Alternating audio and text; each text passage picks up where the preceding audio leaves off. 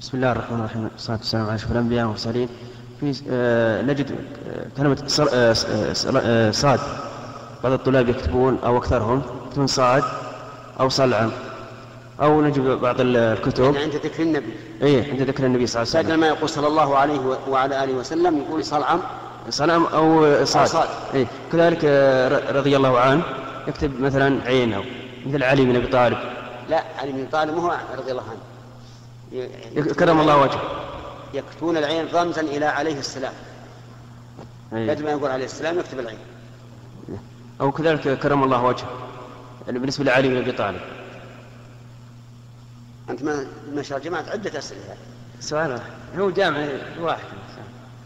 على كل حال لا ينبغي للإنسان عند ذكر النبي صلى الله عليه وسلم أن يكتب صاد ولا صلاة. وكره علماء المصطلح أن يفعل ذلك. وقالوا إما أن يكتب صلى الله عليه وسلم وإما أن يدعها. أن يدعها ما يقول شيء. ويجعل الصلاة من القارئ أو من السامع.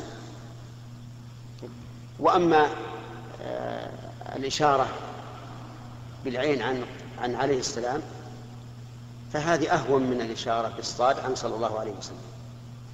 ثم إن علي بن أبي طالب رضي الله عنه إذا قلت علي رضي الله عنه فهو أحسن من قولك عليه السلام.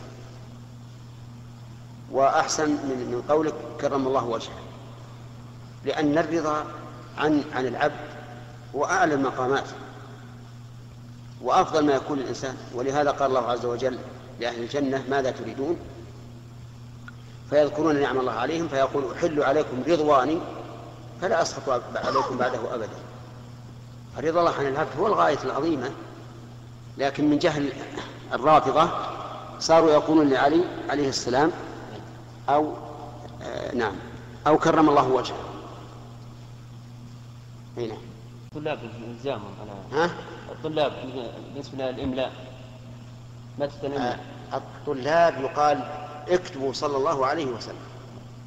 والأحسن أيضا صلى الله عليه وعلى آله وسلم لأن الرسول صلى الله عليه وعلى آله وسلم لما قالوا علمنا كيف نصلي عليك قال قولوا اللهم صل على محمد وعلى آل محمد.